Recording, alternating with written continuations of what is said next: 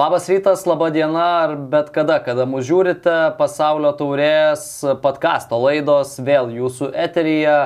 Šiandien, na, jau kaip įprasta, čempionatas įsibėgėjo, čempionatas netgi beveik galima sakyti jau įpusėjo.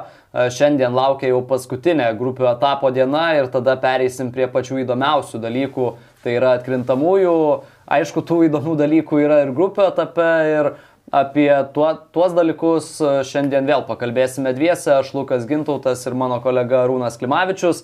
Arūnai, vakar e, turbūt vakaras su futbolu buvo visai įdomus, ar ne? E, daug intrigos, daug dalykų tiek vienoje, tiek kitoje grupėje keitėsi turnyro lentelės išsidėstymas daugybę kartų. Ir turbūt esminis dalykas, aš taip įsivaizduoju, ar ne, Vokietija važiuoja namo. Tikrai taip ir e, įvarčių matėme tikrai vakaras su emocijomis, man patiko ir mūsų lietuvių komentatorių emocijos tikrai, net jei kas prie, prie televizorių sėdėjo ir žiūrėjo, galbūt, e, kurie netaip dažnai žiūri futbolą ir mažiau su emocijų turėjo, tai man patiko, kad komentatoriai, man atrodo, tas emocijas suteikė ir turbūt visas namas atsibūsdavo, kai, kai jie po įvarčio uh, išreikšdavo emocijas. Uh, Be abejo, jeigu žiūrėt visą vakarykštį tą, mm, tas rungtynės, visas tas abi E ir F grupės, tai Vokietijos nepatekimas antrą pasaulio čempionatą iš eilės yra turbūt Vokietijai, na... Neišėjimas iš grupio etapo. Iš, neišėjimas iš grupio etapo tikrai yra, na, kaip katastrofa turbūt tai tokiai futbolo šaliai. Ir dar turbūt kitas dalykas, kad klausimas, ar apskritai Vokietija tikrai nusipelnė iškrysti, nes uh, pagal daugumą statistikos rodiklių, tą, kas sukūrėme atakui, perdavimai, tikrai daug statistikų jie yra lyderiai, netgi kai kurios, daugumui statistikų net ir tą pačią Prancūziją ar Argentiną jie lenkia. Taip kad tai nebuvo visiškai tokia, sakykime, tuščia komanda ir jų nepatekimas šiek tiek gaila, nors aš prieš čempionatą prognozavau, kad iš Vokietijos nieko nesitikiu ir, ir tuo klausimu sakykime. jie buvo ta komanda, kuris, sakykime, iškrito, bet žaidė jie pakankamai gerai. Namo išvažiavo ne tik Vokietija, baigėsi ir Belgijos rinktinės pasirodymas, nesugebėjo belgai laimėti tų savo išgyvenimo rungtynių prieš Kroatiją. Sakai, kad ar ne, Vokietijos rinktinės, rinktinė jokių lūkesčių nekėliai, kaip yra su Belgija. Ar tokioje grupėje, kurioje buvo Kroatija, Marokas ir Kanada, galėjo belgai kažkaip praslyst.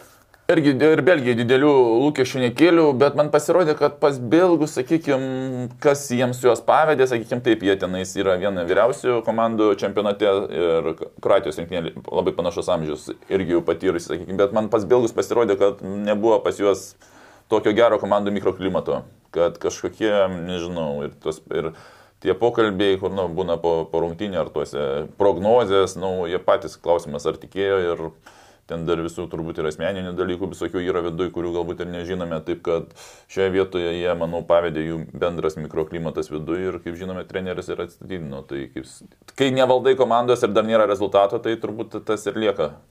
Čia šiaip labai įdomus dalykas, mes kaip tik tuoj perėsim prie Kroatijos ir Belgijos rungtynių. Roberto Martinezas, ar ne? Treneris jau eilę metų treniruojant, treniravęs dabar jau galima sakyti, ar ne, Belgijos rinktinę.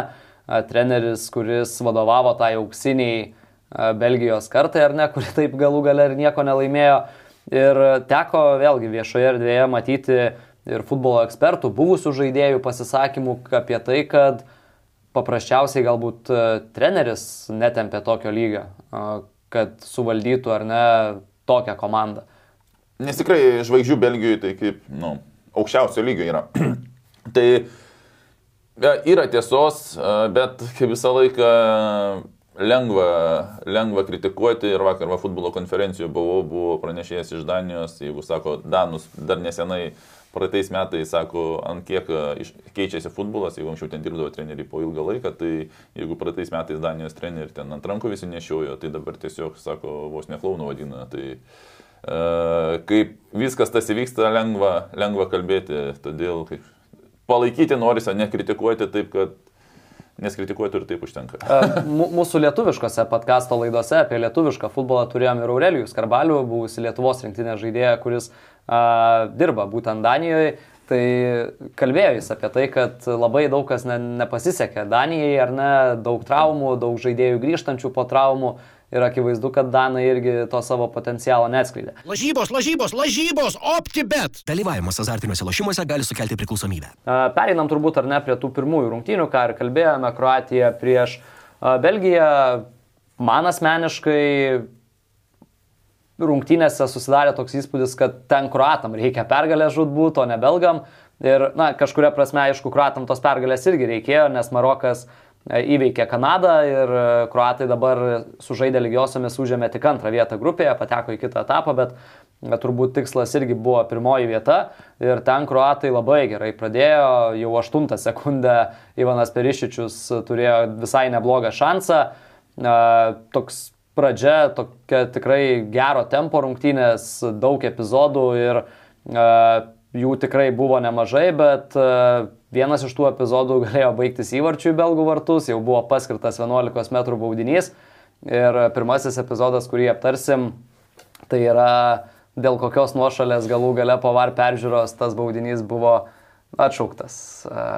Nežinau, aš kai mhm. pamačiau tuos top katrus, šitą pirmąjį, tada dar buvo ir iš kito rakurso, nežinau, buvau ilgą laiką VAR sistemos toks kaip ir šalininkas, sakiau, kad gerai, atsiranda teisybės ir, nu, jeigu yra ta nuošalė, tai yra nuošalė, bet kai pamatai tokį, kur Nu, nelabai ne net turiu ką pasakyti. Nu, prasme... nu, bet pagalvokim, ta prasme, kiek varas jau yra išgelbėjęs, sakykim, tu ir kiekvienam gyvenime dalykai kažkokie būna niuansai, kur galbūt netaip jaučiasi, sakykim, ta teisybė.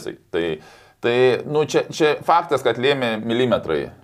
Nu, bet uh, aš tai už tai, kad, sakykime, jau kompiuteris jau skaičiuoja ir e, daro va šitas va nuotraukas arba nusprendžia, yra ar nėra. Uh, iki galo jo pasitikėti, nes, nu, kaip sako, ar ten galim tada kelius centimetrus nuimti, nu, pavyzdžiui, kaip pavyzdį, ten, nežinau, plaukia meilutytis, sakykime, 001, tai per pusę plaštokos kita atsilieka. Tai dviejų medalių neskiriam, ta prasme, kai vairuoji ir pripūti 0,4,1, neprašai, kad pastumtumėm ant vieno, ta prasme, nu, arba pripūti, arba nepripūti, ta prasme. tai čia yra nuošalė arba ne, nėra nuošalės. Tai, nu, tada reikia atskiros komisijos, e, kuri va tokius dar nagrinėtų, bet ir tai tada nagrinės, nu, ar ir kaip nuspręsti, va, kur, kuriai šaliai pranašumą duodam, sako, yra milimetras, tai kuriai dabar, kuriuos palaikom belgus tempiam ar kuratus. Tai, tai va tuo, jo, čia bus tų niuansų, bet, nu, o kiek kartų tas varas jau yra padėjęs, tai aš bendriau žiūriu ir Matos, didesnis petis išlindęs. Per daug raumenų. Grinai, la, labai aiškiai matosi. Ilgiau salėje pabūna žaidėjas. ja, per daug salėje buvo teisingai. Štanga daugiau stumė, man manau, to prasme. Tai jo, tai buvo toks epizodas ir apie jį aišku labai daug kalbų, nu, bet nieko nebegali padaryti.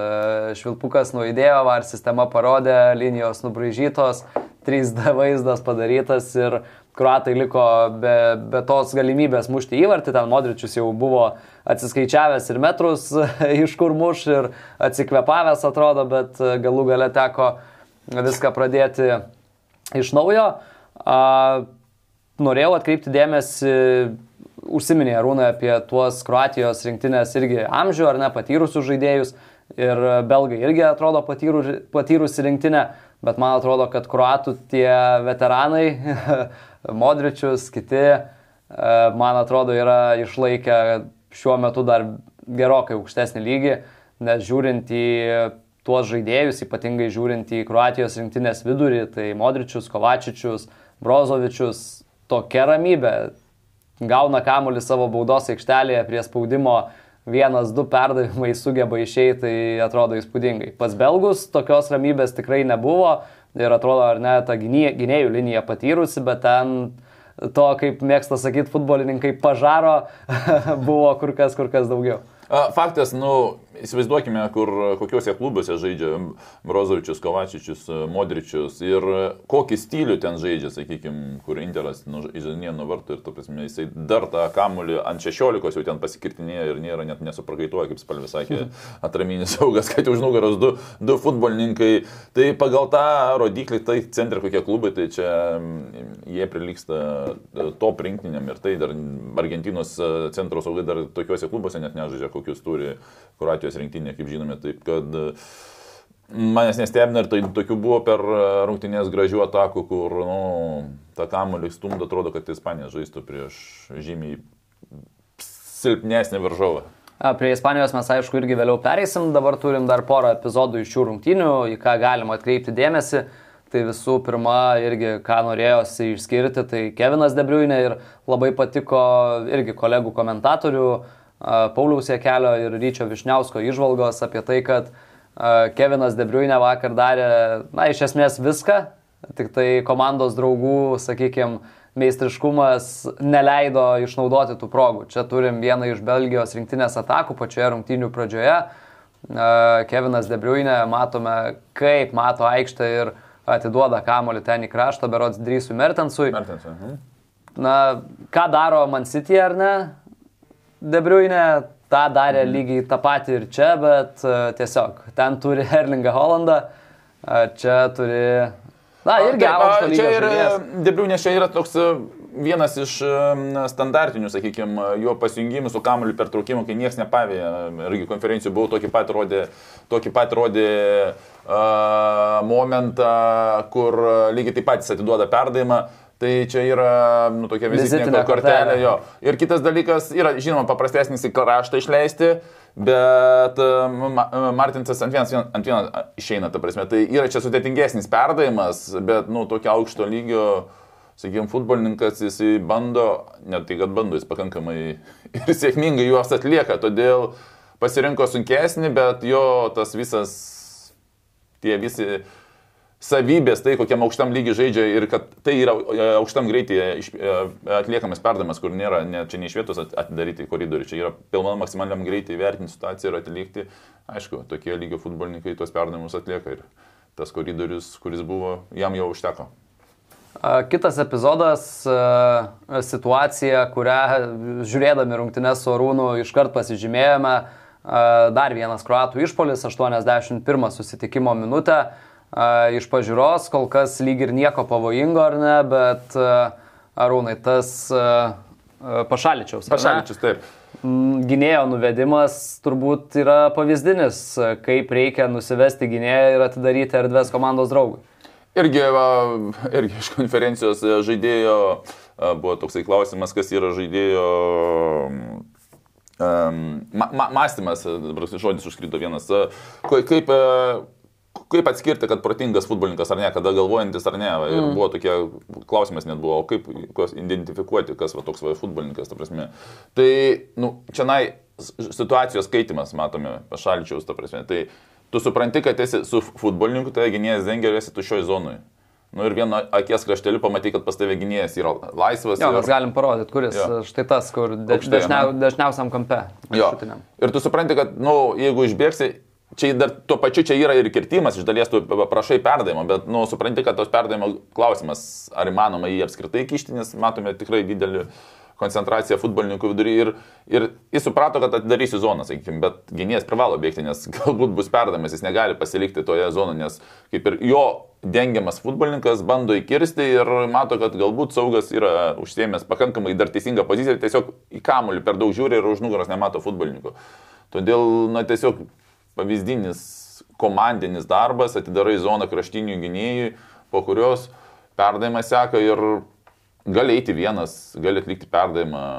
Tų variantų čia yra lėtimą daryti, gali vienu, nu, vienu faktas yra nuošalė, tai tą lėtimą dar jis bus atliekamas.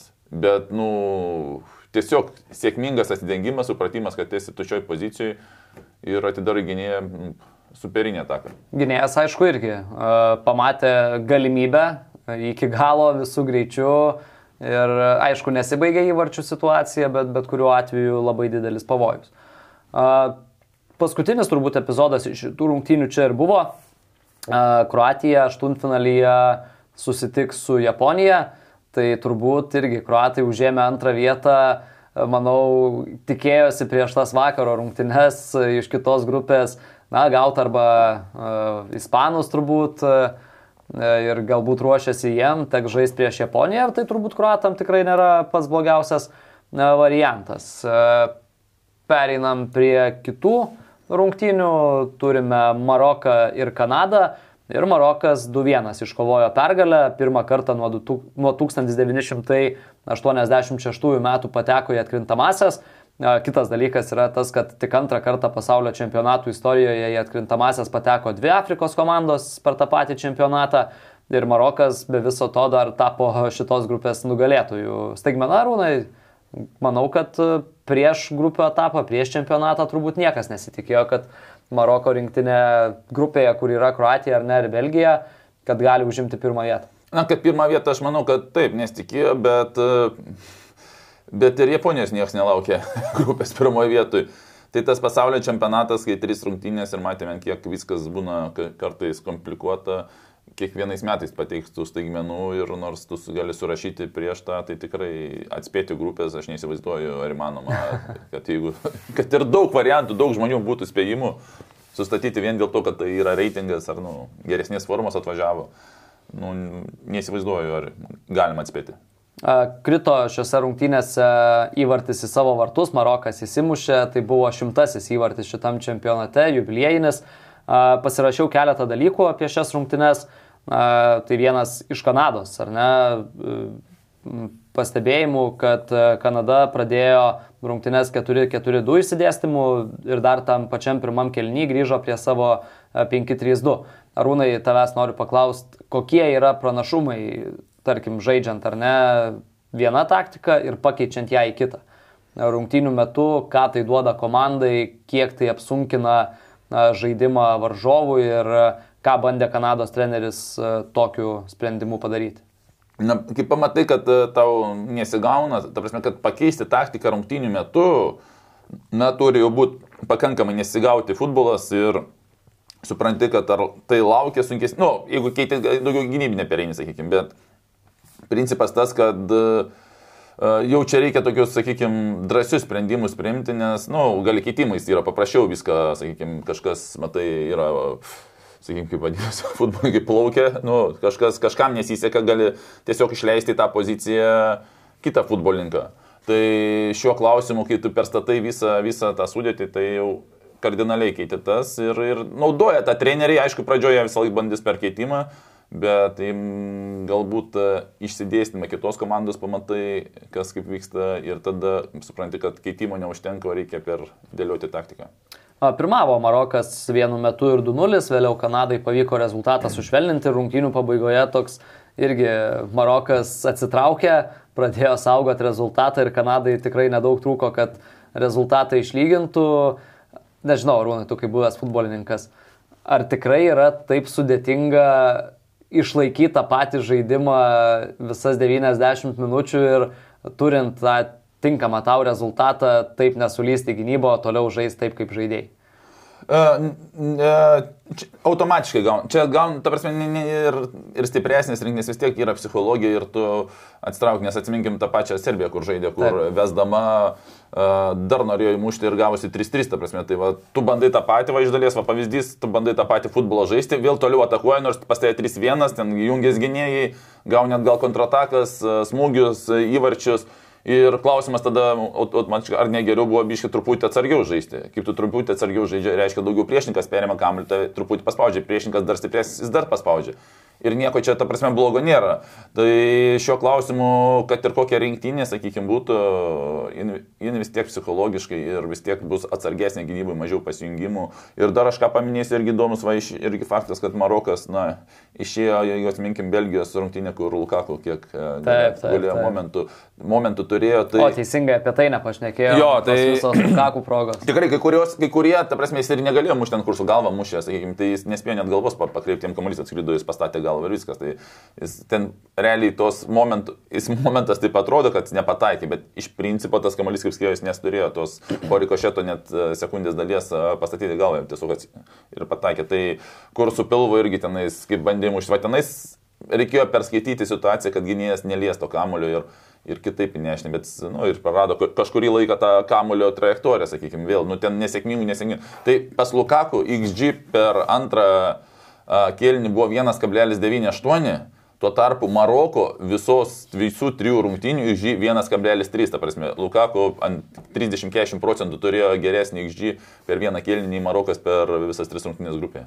Jo, tai iš ties įspūdingi skaičiai ir turbūt galime pereiti, ar ne, prie tų kelių epizodų. Ir rungtynės e, tragiškai prasidėjo Kanadai. E, Kanadiečiai šitam čempionate pelnė greičiausią čempionato įvartį ir čia praleido antrą greičiausią čempionato įvartį. E, Grubi gynėjo klaida atliekant perdavimą atgal vartininkui. Ir e, man labai keistai pasirodė vartininko sprendimas, toks neiš, neužtikrintas kamulio išmušimas tiesiog į priekį ir vėliau smūgis į tuščius vartus. Ką vartininkas galėjo padaryti geriau? Pirmą Vitoriją gynėjas, matom, rankas jau pakėlęs, jis atsiprašo, kad tikrai jis ne, nepavyko. Tai Lukai čia neišmušimas buvo. Čia buvo... Jis perdavimo ieškojo, turbūt. Neperdavimą iškojo. Jisai nusimetinėjo savo kamuolį. Ai, čia jisai Jisai bandė... pernė- Taip, taip, tiesiog jisai nusimetinėjo, po to mintis atsirado, gal reikia perdavimą išlikti ir iš to gavosi nei išmušimas, nei pasimetimas ir gavosi toks, kaip tu sakai, perdavimas. Ta prasme, jisai išnorėjo išsaugoti po to, po to suprato pavojinga, jau koja tada greičiau leidži, čia yra toksai, kaip sudvėjoji, kuris veiksmas tau. Ir galutiniam variantė visiems, nu, atrodo, kad čia perdavimas, nu, ar perdavimas, kad jis realiai norėjo nusimesti kamuolį, suprato, kad ne, ir perdavim, ir, ir, ir nesuprato pats, ką padarė, o po to, aišku, ten jau meistriškumas, sakykime, tokius, sakykime, žemesniai lygui gal ir ne visą laiką pataikytų į tuščius vartus tokį, bet čia kai aikštė įdėlė, tiesiog teisingai kam, kamuolį papjovus virš vartininko. Taip kad e, gaila vartininko, bet aš manau, kad pirmomis minutėmis ypač, dabar nieko čia nereikia išsaugoti, rezultatas 0-0, trečia minutė. Neštą kamuolį jautą, visi atsitrauks ir viskas. Ta būtent aš irgi tą patį Tiesiog sakyti, nu, kad neš kuo toliau. Kuo toliau, ten būna rizikos. netgi su, pat, su patkartais, jį netgi griūdamas šiek tiek tokį, sakykime, tu abejoji, ar čia polės, net. Tiesiog, nu, o čia labai mintis jam pastinė sekundė atėjo, kad gal apvės išsaugoti, tai 1-0. Ir kitas epizodas, tai yra dar pirmajame kelinyje pelnytas antrasis Maroko įvartis. Ir visų pirma, čia turime perdavimą iš gilumos. Ir vėliau viskas virsta į štai tokią situaciją. Tai visų pirma, turbūt idealus perdavimas, ar ne? Tikrai idealus perdavimas per išorinę trajektoriją, kai kamuolys sukasi ir realiai uh, gynėjai kaip ir viską teisingai darė ir net pozicijos, ir aš žiūrėjau, ir starto momento jie nieko nepralošė. Uh, va čia jie ir, ir, ir žinojo, kad perdavimas bus atliekamas, žinojo, kad uh, N, nes Siri startuos iš Sevilijos futbolininkas, bet jis turi tikrai gerą greitį ir tas perdavimas apsuko. Taip, ir- šitam čempionate dar nėra įmušęs nei vieno. Taip, taip, taip, taip, taip. Tai iš principo labai kažko gynėjai blogo nepadarė, tiesiog va, fizinės savybės, greičio savybės, puikus perdavimas, sakykim, į tą tašką, nes kitai taškai buvo iš dalies pralošti, tai tiek vienas gynėjas žaistų į kamuolį truputį dešinę, truputį kairę žaistų uh, kairys gynėjas, bet, nu, idealus perdavimas ir greičio savybės čia lėmė tai, kad įvartis buvo praleistas. Kaip galvoji, Marokas ar ne užėmė pirmą vietą grupėje ir atkrintamosiose pirmame etape, aštuntfinalyje jų laukia Ispanija. Nu, čempionatas toks uh, jau yra uh, pasiekimas išeiti iš grupės. Taip kad, uh, manau, šiai dienai jie galvoja ne apie ispanus, o tai, kad kokį darbą padarė. Nu jo, ten matėme Maroko emocijas, džiaugsmą tikrai, na ne veltui, po beveik 40 metų pavyko pralaužti tą grupę etapą, tai iš ties e, gali pasidžiaugti. E, Kita grupė, Japonija pateikė staigmeną, dar vieną staigmeną šitam čempionate ir rezultatų 2-1 įveikė Ispaniją. Lygiai tas pats scenarius kaip ir rungtynėse su Vokietija, Ispanai pirmieji išsiveržė į priekį. Bet japonai prasidėjus antram kelniui vėl atlikę keletą keitimų po pertraukos, vėl sugeba irgi, taip pat kaip prieš Vokietiją. Vienas įvartis, labai greitai antras įvartis ir Ispanija atsigauti taip ir nebesugebėjo. Kokį įspūdį tau paliko Rūnai? Uh, ispanai. Uh, Ja- Japonai, gal geriau apie Japonus kalbėti, nes, na, tokioj grupėje laimėti prieš ir vokiečius, ir ispanus, nu, vėl, kaip sakau, vienų rungtynių sunku suprognozuoti, o čia dvi tokios ir būtent Japonų man ir sargaliai, ir visa ta, e, tas, ta, ta atmosfera, sakykime, tai grina pasaulio čempionato atmosfera. O dėl ispanų, jie dabar išeina ant Brazilų greičiausiai, teisingai? Mm. Su antra vieta išeina ant Brazilo, ant pirmos vietos. Taip, Tikėtina, jo. taip. Tai aš manau, kad ir brazilai, žiūrėdami viešbutyje rungtynės, nenorėjo tokios baigties, nes aš irgi kaip žiūrėdavau su, su draugais, sakau, na, ispanai dviejų rungtynių šėlės blogai nežaidžia. Yra tiesos, bet žinai, su, šitom, su, šito, su šitais sakiniais šitam čempionate kol kas neina. Jo, supratau. Kaip ten yra, 22 vyrai laikosi kamolį, ir- bet jo, laimi jo, vokiečiai, taip, ne, pabaigoje. Tai taip jau nevyksta, tai čia negali. Jo, tai bet aš manau, kad e, brazilai viešbutyje, na, buvo truputį nepatenkinti tokie ir nesitikėjo tokios rungtynių baigties. Šiaip įspūdingai skamba visos, visi tie statistiniai rodikliai, su kokiais jais japonai sugebėjo laimėti ir su kokiais jais ispanai sugebėjo pralaimėti. Tai yra nuo 1966 metų, kai buvo pradėtos rinkti tos detalios statistikos ar ne, tik dvi komandos sugebėjo pralaimėti rungtynes, kai per jas atlikdavo daugiau nei 700 perdavimų. Tai abi tos komandos buvo šitam čempionate ir tai buvo Vokietija ir Ispanija rungtynėse su Japonija. Tiek vokiečiai, tiek ispanai atrodo dominavo, e, kontroliavo kamolį, stengiasi, mušė į vartus, e, lietė kamolį baudos aikštelį, bet vis tiek pralaimėdavo. Ir čia buvo absoliutus rekordas užfiksuotas. Japonija laimėjo rungtynes turėdama mažiausią istorijoje kamulio kontrolę, tai mažiau nei 20 procentų per rungtynes. Na, atrodo Tai įspūdingai. tik 166 perdavimus jie, jie tikslius padarė, nu, tai įsivaizduokime. 80 perdavimų, kad įmuštum įvartį. Taip, tai, tai realiai, jeigu laiką iš, iš, išdalinti, tai na, į minutę mažiau nei du perdavimai, tai įsivaizduokime, jeigu tu vis tiek kažkada tą, kad ilgesnę darai, tai surinkit, tai, tai paskui kur, kiek laiko tu būni be, be kamulio, nes tai e, pas ispanus 992 perdavimai tikslus, pas japonus 166, tai 9 prie 1 perdavimai, įsivaizduokim, tikslaus, tai 82 procentai kamulio kontrolė. Čia, jo, bet futbolas to ir įdomus. Tai vien, vien pirmam kelnyje irgi čia tie įdomesni statistiniai faktai. Vien pirmam kelnyje Rodri 115 perdavimų ir Pau Torresas 109 perdavimai. Du žaidėjai, kiekvienas iš jų atliko daugiau perdavimų nei visa Japonijos komanda. Mm. Visa Japonijos komanda pirmam kelnyje 89 perdavimai. Vien tie du žaidėjai per pirmą kelnį padarė po daugiau. Tai šiaip skaitosi, kad e, virš šimto perdavimų jau yra Toks geras, rungtynių, geras yra e, futbolininkui, saugui, tai yra čia puikus, e, geras rezultatas. Tai Rodri sugebėjo užfiksuoti vėlgi nuo tų pačių 66-ųjų, kai renkama tokia tiksli statistika, absoliutų rekordą 215 perdavimų. Na, Pas mane 210, bet, bet, bet kokiu atveju tai yra su 97 procentai tikslumu, tai iš šimto tik 3 yra netikslus. e, Tai Pautorėsas 189 perdavimai, bet su, su, su Rodri tai 97 Čia, procentai. čia, čia skaičiai, kurių toj, nežinau, legendiniai Barcelonoje, toj legendiniai Ispanijos rinktiniai, kuri žaisdavo ar net atikitaką, tų skaičių, man atrodo, galėtų ir Čiavi, ir Iniesta pavydėti. Tai, tai Rodri padarė daugiau perdavimų, žymiai daugiau negu Japonijos rinkinė kartu sudėjus.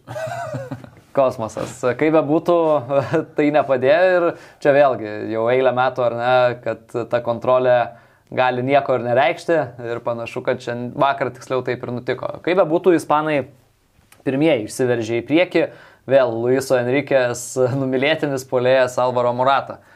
Pelnė įvartį, bet visų pirma pradėkime nuo to, čia situacija ar ne, perdavimas į baudos aikštelę atrodo a, labai daug Japonijos žaidėjų yra joje. Matome, vien septyni žaidėjai stovi baudos aikštelėje, trys žaidėjai aplink baudos aikštelę. Ir iš esmės visa komanda ginasi, bet Morata vis tiek sugeba surasti. A, komanda atrodo visa gynasi, bet pažiūrėkime, vartų plotė stovi trys japonai ir trys ispanų futbolininkai. Tai tie, kurie stovi ten truputį toliau, tai jie nu, užima tokias pakankamai tuštokas pozicijas.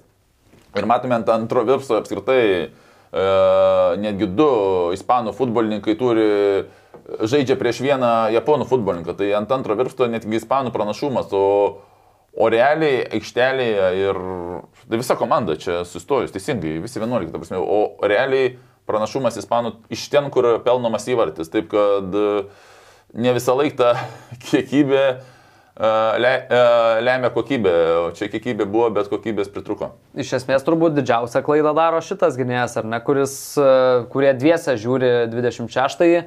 Jisai matosi pagal judesi dar, pagal kad jisai bandė kaip ir lydėti 26 ispanų numerį, bet palikdamas savo zoną už nugaros Moratą. Tai šioje vietoje, na, linijų reikėjo stovėti, matėm, matom, pametė netgi liniją, atsidarė zoną, po to jis ten bandė atgal jau trauktis, bet tas taškas jeigu būtų stovėjęs dviem žingsniais atgal, būtų, būtų matome, dabar tik tai lydėjo.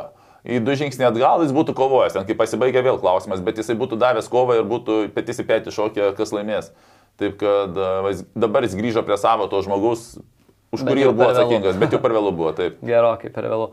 Uh, toliau kitas epizodas irgi labai daug. Uh, Vėliau, kad dar atgal vieną galim dar. Ir vėl galim, nu, iš dalies, sakykime, tai buvo nuo aikštelės kampo keliamas, skersuojamas kamuolys. Na, mušama, sakykime, iš 5 metrų iki vartų. Tai ir vartininkas galbūt, jeigu būtų užėmęs poziciją, nu dar vieną atgal nuotrauką. A, ant pirmos. Matom, to, aha, kažkaip, aš sakyčiau, galbūt iš truputį ir pozicija tokia, aišku, ten perdavimas buvo iš krašto, at, at, nu, sakykime, dėl to vartininkų irgi galim, sakykime, savo išsiklausti klausimą, ar galbūt neperskaitė situacijos, mm. kad, nu, truputį aukščiau, nes mušam iš, iš 5 metrų iš vartininkų aikštelės. Ir pakankamai neišarti padavinėja, iš pakankamai toli tas kamuolys tikrai skrieja, todėl su kumščiu, su rankom iškumščiuoti, vartininkas irgi savo klausimus gali užduoti. Nu, matome, stovint 40 cm nuo linijos, kai kamuolys jau skrydo prieš tai. Mhm. Kitas epizodas, antrojo kelnio pradžia, čia jau japonai spėja rezultatą išlyginti ir labai greitai pelnytas antras įvartis. Čia irgi atrodo, ar ne ta pati situacija, vėl beveik visa komanda ginasi aplink savo baudos aikštelę, savo baudos aikštelėje, e, bet vis tiek lieka nesužiūrėtų e, žmonių ir vėlgi perdavimas, toks pusiau smūgis, pusiau perdavimas, e, kas čia yra blogai, nes vėliau reikės kreipti dėmesį į devintą japonų numerį. Nu, po to į devintą jo ir pažiūrėsim. Bet uh, mm, atrodo kaip ir neįmanoma padaryti ant antro, tai šiaip turėtų persistumti žmonės, bet nu, netgi toje situacijoje tas devintas tai yra pakankamai toks tuštoka pozicija, nes, nu, kaip ir tu nespėjai uždaryti, jisai realiai ir kamolį su linija ir ištraukė. Tai, tai kraštinis gynėjas teisingai pasiemė uh, 25 numeris, ispanų rinktinės gynėjas pasiemė 25, nes jis yra pavangesnis ir kertantis, sakykime.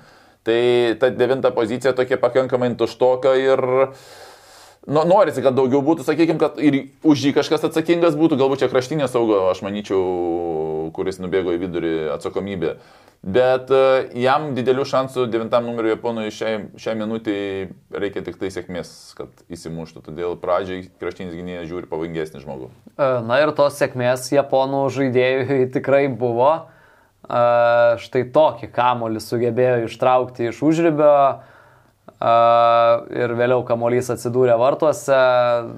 Irgi labai daug diskusijų, tai manau, įvairių kad... rakursų, jo. kuriuose, na, atrodo, kad tikrai ir kirto kamuolys liniją. Čia atrodo, ar ne, tik tai jau kamulio e, šonas kažkiek liečia, nu, ta prasme, ja. jeigu sta, statų kampą dėtum lyg virš linijos, uh, bet uh, yra kampų ir kitų, kur tikrai kelia klausimų. Tai jeigu uh, tarp vartų yra ta technologija, kur automatiškai parodo, tai nu, šoninės linijos nėra. Tai jeigu aš sakyčiau, va, suvarų, ta prasme, nors ir milimetras ir kompiuteris nusprendė, kad ten yra nuošalė, tai aš už tai nuošalė. Čia nai galime. Ne nuošalė, bet jo, ten kamuolys jau. Ne, ne, ne, bet kalbame apie tą nuošalę, sakykime. Ai, ten nusprendė kompiuteris ir milimetras nuošalė, ta prasme, taip. Čia, čia čia ne kompiuteris sprendžia, čia žmogaus akis. Ir va čia va, galbūt yra didesnė diskusija, ar buvo ar ne, va, dabar liečia ar neliečia, sakykime, tu, tu vieną nuomonę turėsi, aš kitą nuomonę galbūt turėsiu. O ten va, dėl to ir yra, to milimetro, nu, tavo kompiuteris, jeigu tas programa daro, intelektas pavadinkim, tai tegul jis daro. O va čia mes galim ginčyti su... Ir nu, aš, ne, aš negaliu atsakyti. Nu, Sako liečia, užskaitė.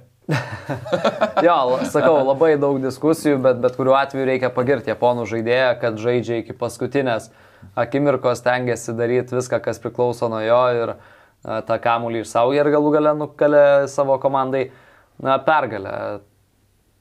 Vienu metu šitoj grupiai, E grupiai, turnyro lentelė atrodė taip. Tai čia Japonai pirmauja 2-1 prieš Ispaniją, Kostarika buvo momentas, kad pirmavo prieš Vokietiją irgi 2-1, mes prie tų rungtynių netrukus prieisim.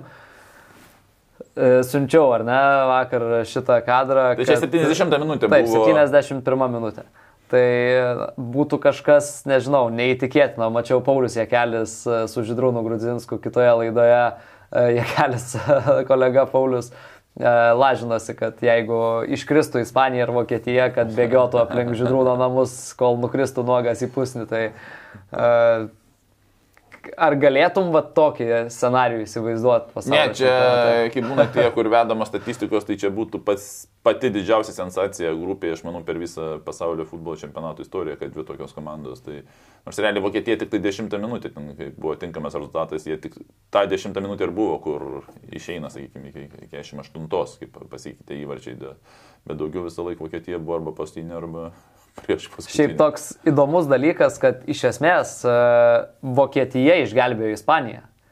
Nes e, vokiečiam ta pergalė prieš Kostariką, kurią jie iškovojo 4-2, jau kaip ir nieko nebelėmė, kadangi japonai pirmavo prieš Ispaniją.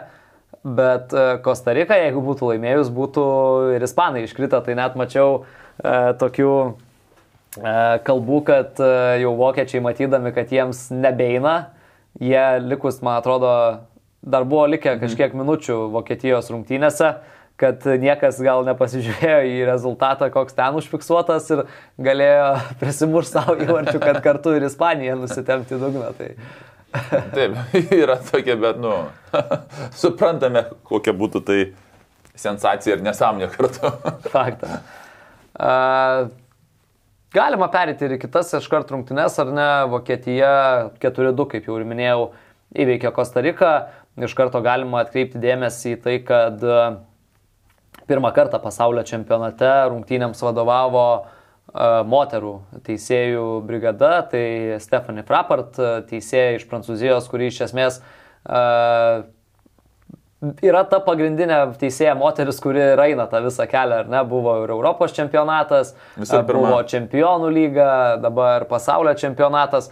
Tai gal toks klausimas, Arūnai, kokį įspūdį paliko teisėjimas tau? O aš manau, kad susitvarkė su, su, su užduotimi ir, na, jau su patirtimi. Tu faktas, kad buvo tikimybė, kad gali būti ir klaidų, bet tai ir kiti, kiti, kiti teisėjai irgi daro klaidas, sakykime. Tai šioje vietoje aš manau, kad susitvarkė ir, ir, ir nu, dar ne vieną kartą, manau, pamatysim ir čempionatuose, ir čempionų lygoje. Taip kad... Sakai, Arūnai, visi daro klaidas? Aš, A, dėl teisėjų? ne, apskritai. Daro. O aš manau, kad klaidų nedaro tie, kurie prie futbolo valgo Santa Marija bulvių traškučius. Čia turime pasūdytų tiesiog su druska rūnai, kurį nors padažiuką išsirink, kuris tau geresnis. Visą laiką ant, ant, ant meksikietiško paėmų, taip kad... Va. Labai neblogai.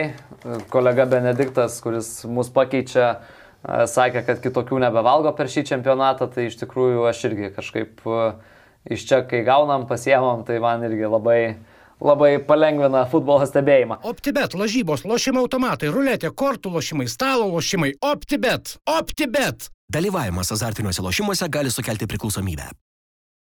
Na, gerai, kitos rungtynės, jau Vokietija, Kostarika, ką ir minėjome, tai turbūt galima išskirti keletą epizodų.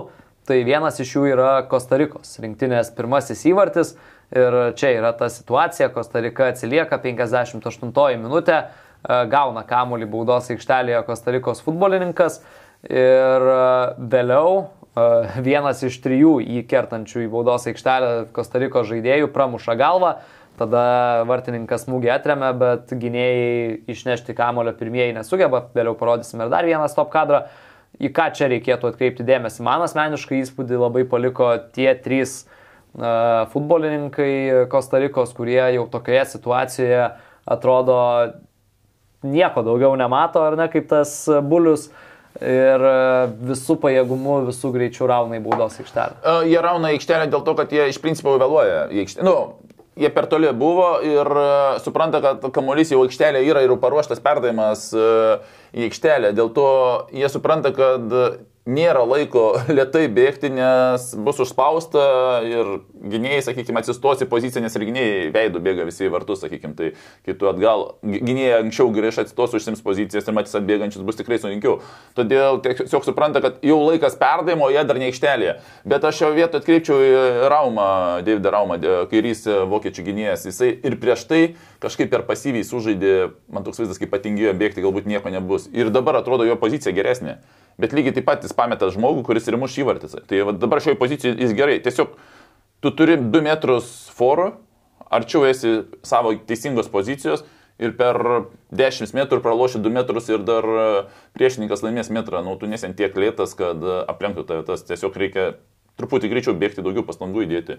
Ir skaičiau Bastianą Švanštaigerio irgi mintis po to, kokios priežastys. Tai sakė, pagrindinė Vokietijos yra priežastis tai, kad e, tik tai Rudiger žaidžia aukštame lygyje, jo mintis buvo ir visi kiti gynėjai netempė to Vokietijos lygio, kad uh, būtų žaidžiami, nu, sakykime, aukštos vietos būtų užimamos. Tai būtent ta mintis ir šiuose rungtynėse, nu, tikrai gynėjai darė daug klaidų. Jo, tai kitas epizodas iškart sekęs po to, ką ir minėjau, po perdavimo smūgis galva į vartus, vartininkas smūgį atremė ir vėliau 17 Kostarikos numeris, e, po to, kai vartininkas smūgį atmuša, e, pirmas prie kamulio. Ir jis... čia netgi dar, jeigu toj nuotraukai iš e, šeš, Vokietijos gynėjas yra arčiau kamulio, o Kostarikos metrų toliau, bet vėl tas greitis galbūt šiek tiek tokia, kaip sakyti, atsipalaidavimas, galbūt čia viskas baigsis ir be mano mm. įsikišimo, dvi šėlės ten toje takui tiesiog visi gynėjai su geresnėm pozicijom galutiniai variantai atsidurdavo pralašėjų pozicijoje.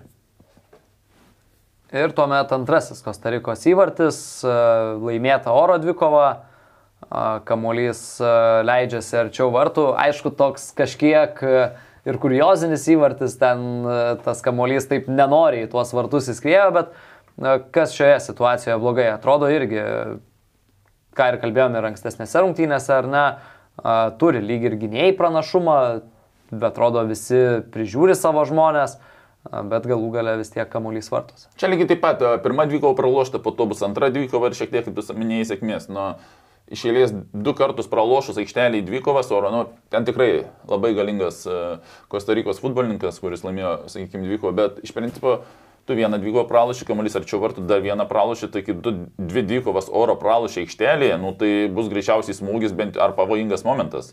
Tai, nu, viena yra pakankamai blogai nu, pralošti, o čia, numet, čia yra dar tikslus numetimas link vartų į, į gerą zoną, ne tai, kad pralošė dvikovą ir tas kamuolys vėl į viršų pakylo. Čia dar geras ir dar tenais pralošta dvikovą. Ta prasme, dvi tokios, jeigu dar šitą dar tokia pasitaikanti, tai sekančius nu, jau nebegali pralošti, nes jau už, vartai už 5 metrų už nugaros. Jo, tai čia rezultatas tapo 2-1, bet dar prieš, prieš, prieš tai, kol rezultatas buvo 1-1, galima atkreipdėmėsi, Džamalas Muzialą du kartus mušė į vartų virpstą, mes prie Muzialos dar prieisim pačioje pabaigoje, bet e, dabar e, e, trečias Vokietijos rinktinės įvartis čia perdavimas iš krašto ir Kajus Havertzas muša įvartį. Turbūt visų pirma, na vėlgi, du, dalyk, du dalykai - geras perdavimas ir dar geresnis įkirtimas.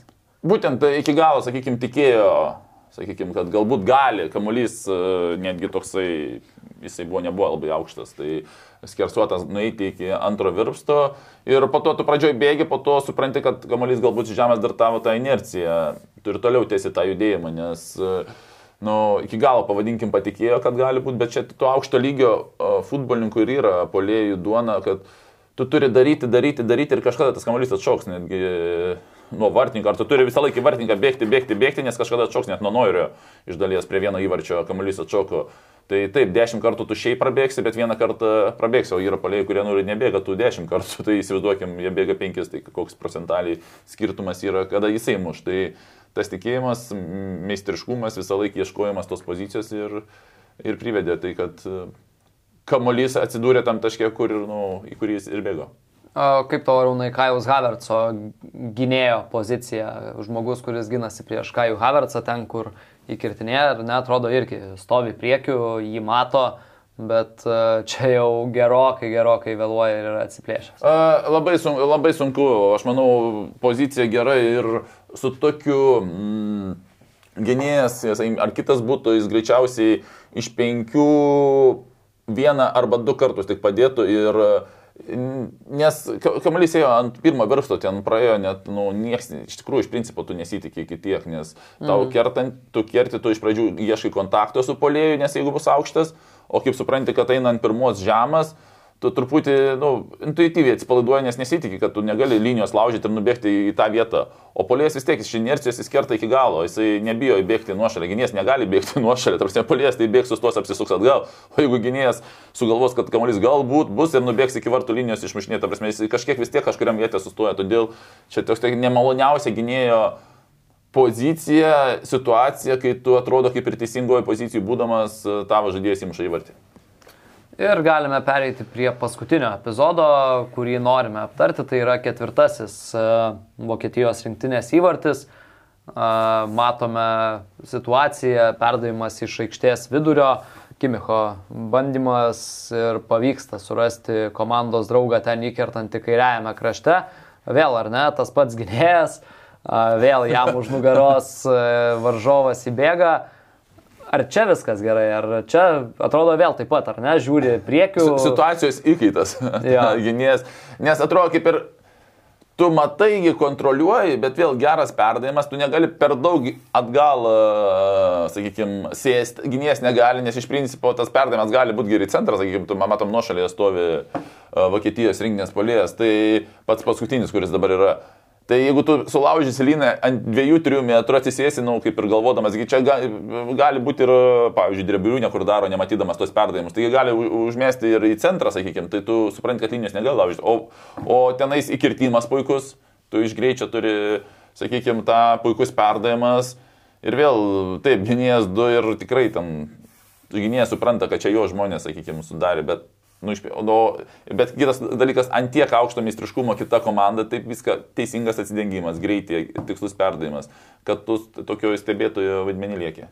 Ir viskas virsta į štai tokį. Tai su, su krūtinė numetė, su keliu įmušė.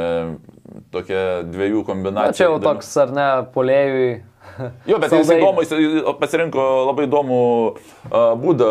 Fulkrugas, ta prasme, jisai su keliu į tolimą nestabdė ir ta, ta, pakankamai sudėti toksai, aišku, rezultatas jau leido 3-2 ir čia kaip Kamerūno, kur galvoju, kad nuošalė, kur sustojo, permetė, nes jis tikrai, jis būtų žinojęs, kad žaidimas tęsis, jis nebūtų ten posėm paskirtinės ir permetinės, kaip, kaip nežinau, pležo, pležo futbolė. tai čia lygiai taip pat rezultatas jau yra, um, krūtinė kelias įvartis.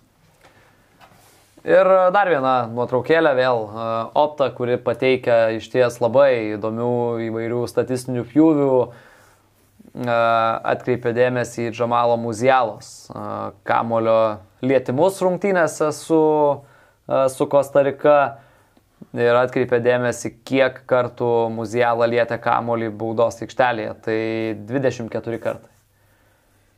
Kaip net neįtėtinai aikštelėje. Saugui Nepolėjui.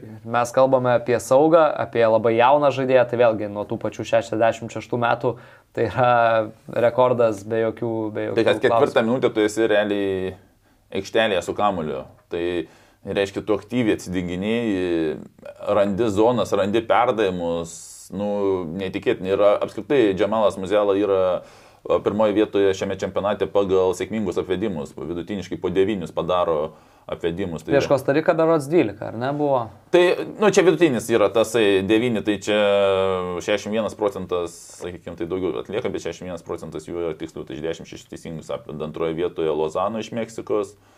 Deivisas Kanada, trečias, tai va toks va tretukas devyni, o po to Lozano ir Deivisas po septynius sėkmingus atlieka apvedimus. Taip kad, jo, ir, ir, ir kitų, va, ir su, aš, sukurti šansai, sakykime, Džošo Kimikas pirmą vietoj su, su, su keturiais. Tai tų Vokietijos futbolininkų ir komandinių duomenų tikrai jų yra pakankamai normalių, taip kad nors aš ir labai netikėjau, šiek tiek faktas gaila tos komandos, nes tikrai įdomi buvo.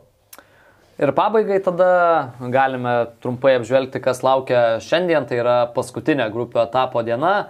Na, Portugalija prieš Koreją, Portugalam 53 procentų tikimybę laimėti prognozuoja lažybininkai, Urugvajus e, prieš Ganą, taip pat Urugvajus yra laikomas favoritu 55 procentai tikimybę laimėti, nors čia aš šiek tiek turbūt nesutikčiau, bet gal galėsim apie tai pakalbėti. Tuomet kita grupė Brazilija prieš Kamerūną 69 procentai brazilų pergaliai ir tokios e, daugiausiai turbūt intrigos keliančios rungtynės Serbija prieš Šveicariją, dvi Europos komandos, e, kurių šansus lažybininkai vertina labai labai panašiai - 36 procentai Serbijai ir 34 procentai Šveicarijai. Arūnai, ko šiandien lauki, į kurias rungtynes kreipsi galbūt didžiausią dėmesį ir galų gale, kur tos intrigos yra daugiausiai?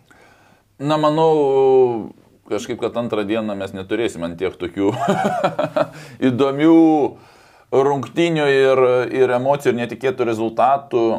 Aš manau, kad vis dėlto būtent vakare vykstančios rungtynės tokios ir žiūrovui, sakykime, įdomesnės, ir, ir, ir Brazilija, aišku, visą laiką įdomi ir nesidomenčiam futbolininkui, futbolų žmogui, bet ir Serbija su Šveicarija tikrai jos, manau, irgi vakarinės rungtynės yra kažkaip įdomesnės. Aišku, kaip yra Ronaldo už Portugalus. Savo, Na, ten... savo tuo kažkiek jo pritraukė, bet vakarinės, manau, geresnės. Na, ten apskritai tiek vienoje, tiek kitoje grupėje irgi yra tų niuansų dėl turnyro lentelės. Brazilai ir Portugalai atitinkamai savo grupėse jau yra užsitikrinę kelialapį į kitą etapą, o iš esmės dėl tos antrosios vietos visos trys komandos kiekvienoje grupėje dar irgi kovoja ir e, bus tikrai labai įdomu. Ir aš kaip ir minėjau, e, Urugvajus yra laikomas favoritų rungtynėse su Ganos komanda bet e, iš to, ką mačiau, man Gana palieka tikrai labai neblogą įspūdį ir aš galvoju, kad Ganai, kuriai iš esmės užtenka ir lygiųjų tose rungtynėse, manau, kad nepaleis to šanso ir keliaus į kitą etapą. Tai kai tiek tų tokių įdomių rezultatų, čia iš vis su tais favoritais labai, labai greičiai keičiasi, spėlionės, labai didelės, šiais čempionate labai didelės spėlionės, taip kad uh, nustatė, kaip sakyti, žmonės, kurie koficientus, jų darbas yra nustatyti, bet uh, tikrai labai daug spėlionių ir labai netikėtų rezultatų daug šiais čempionate. Ką, spėliokite ir jūs, mes irgi toliau spėliosime, žiūrėsime, analizuosime ir stengsime apie tai papasakoti jum. Podkastas plus pasaulio taurė, dar vienas epizodas yra baigtas, Santa Marija. Arūnas Klimavičius ir aš Lukas Gintautas. Iki rytojaus. Iki. Viso gero. Lažybos, lažybos, lažybos, optibet. Dalyvavimas azartiniuose lošimuose gali sukelti priklausomybę.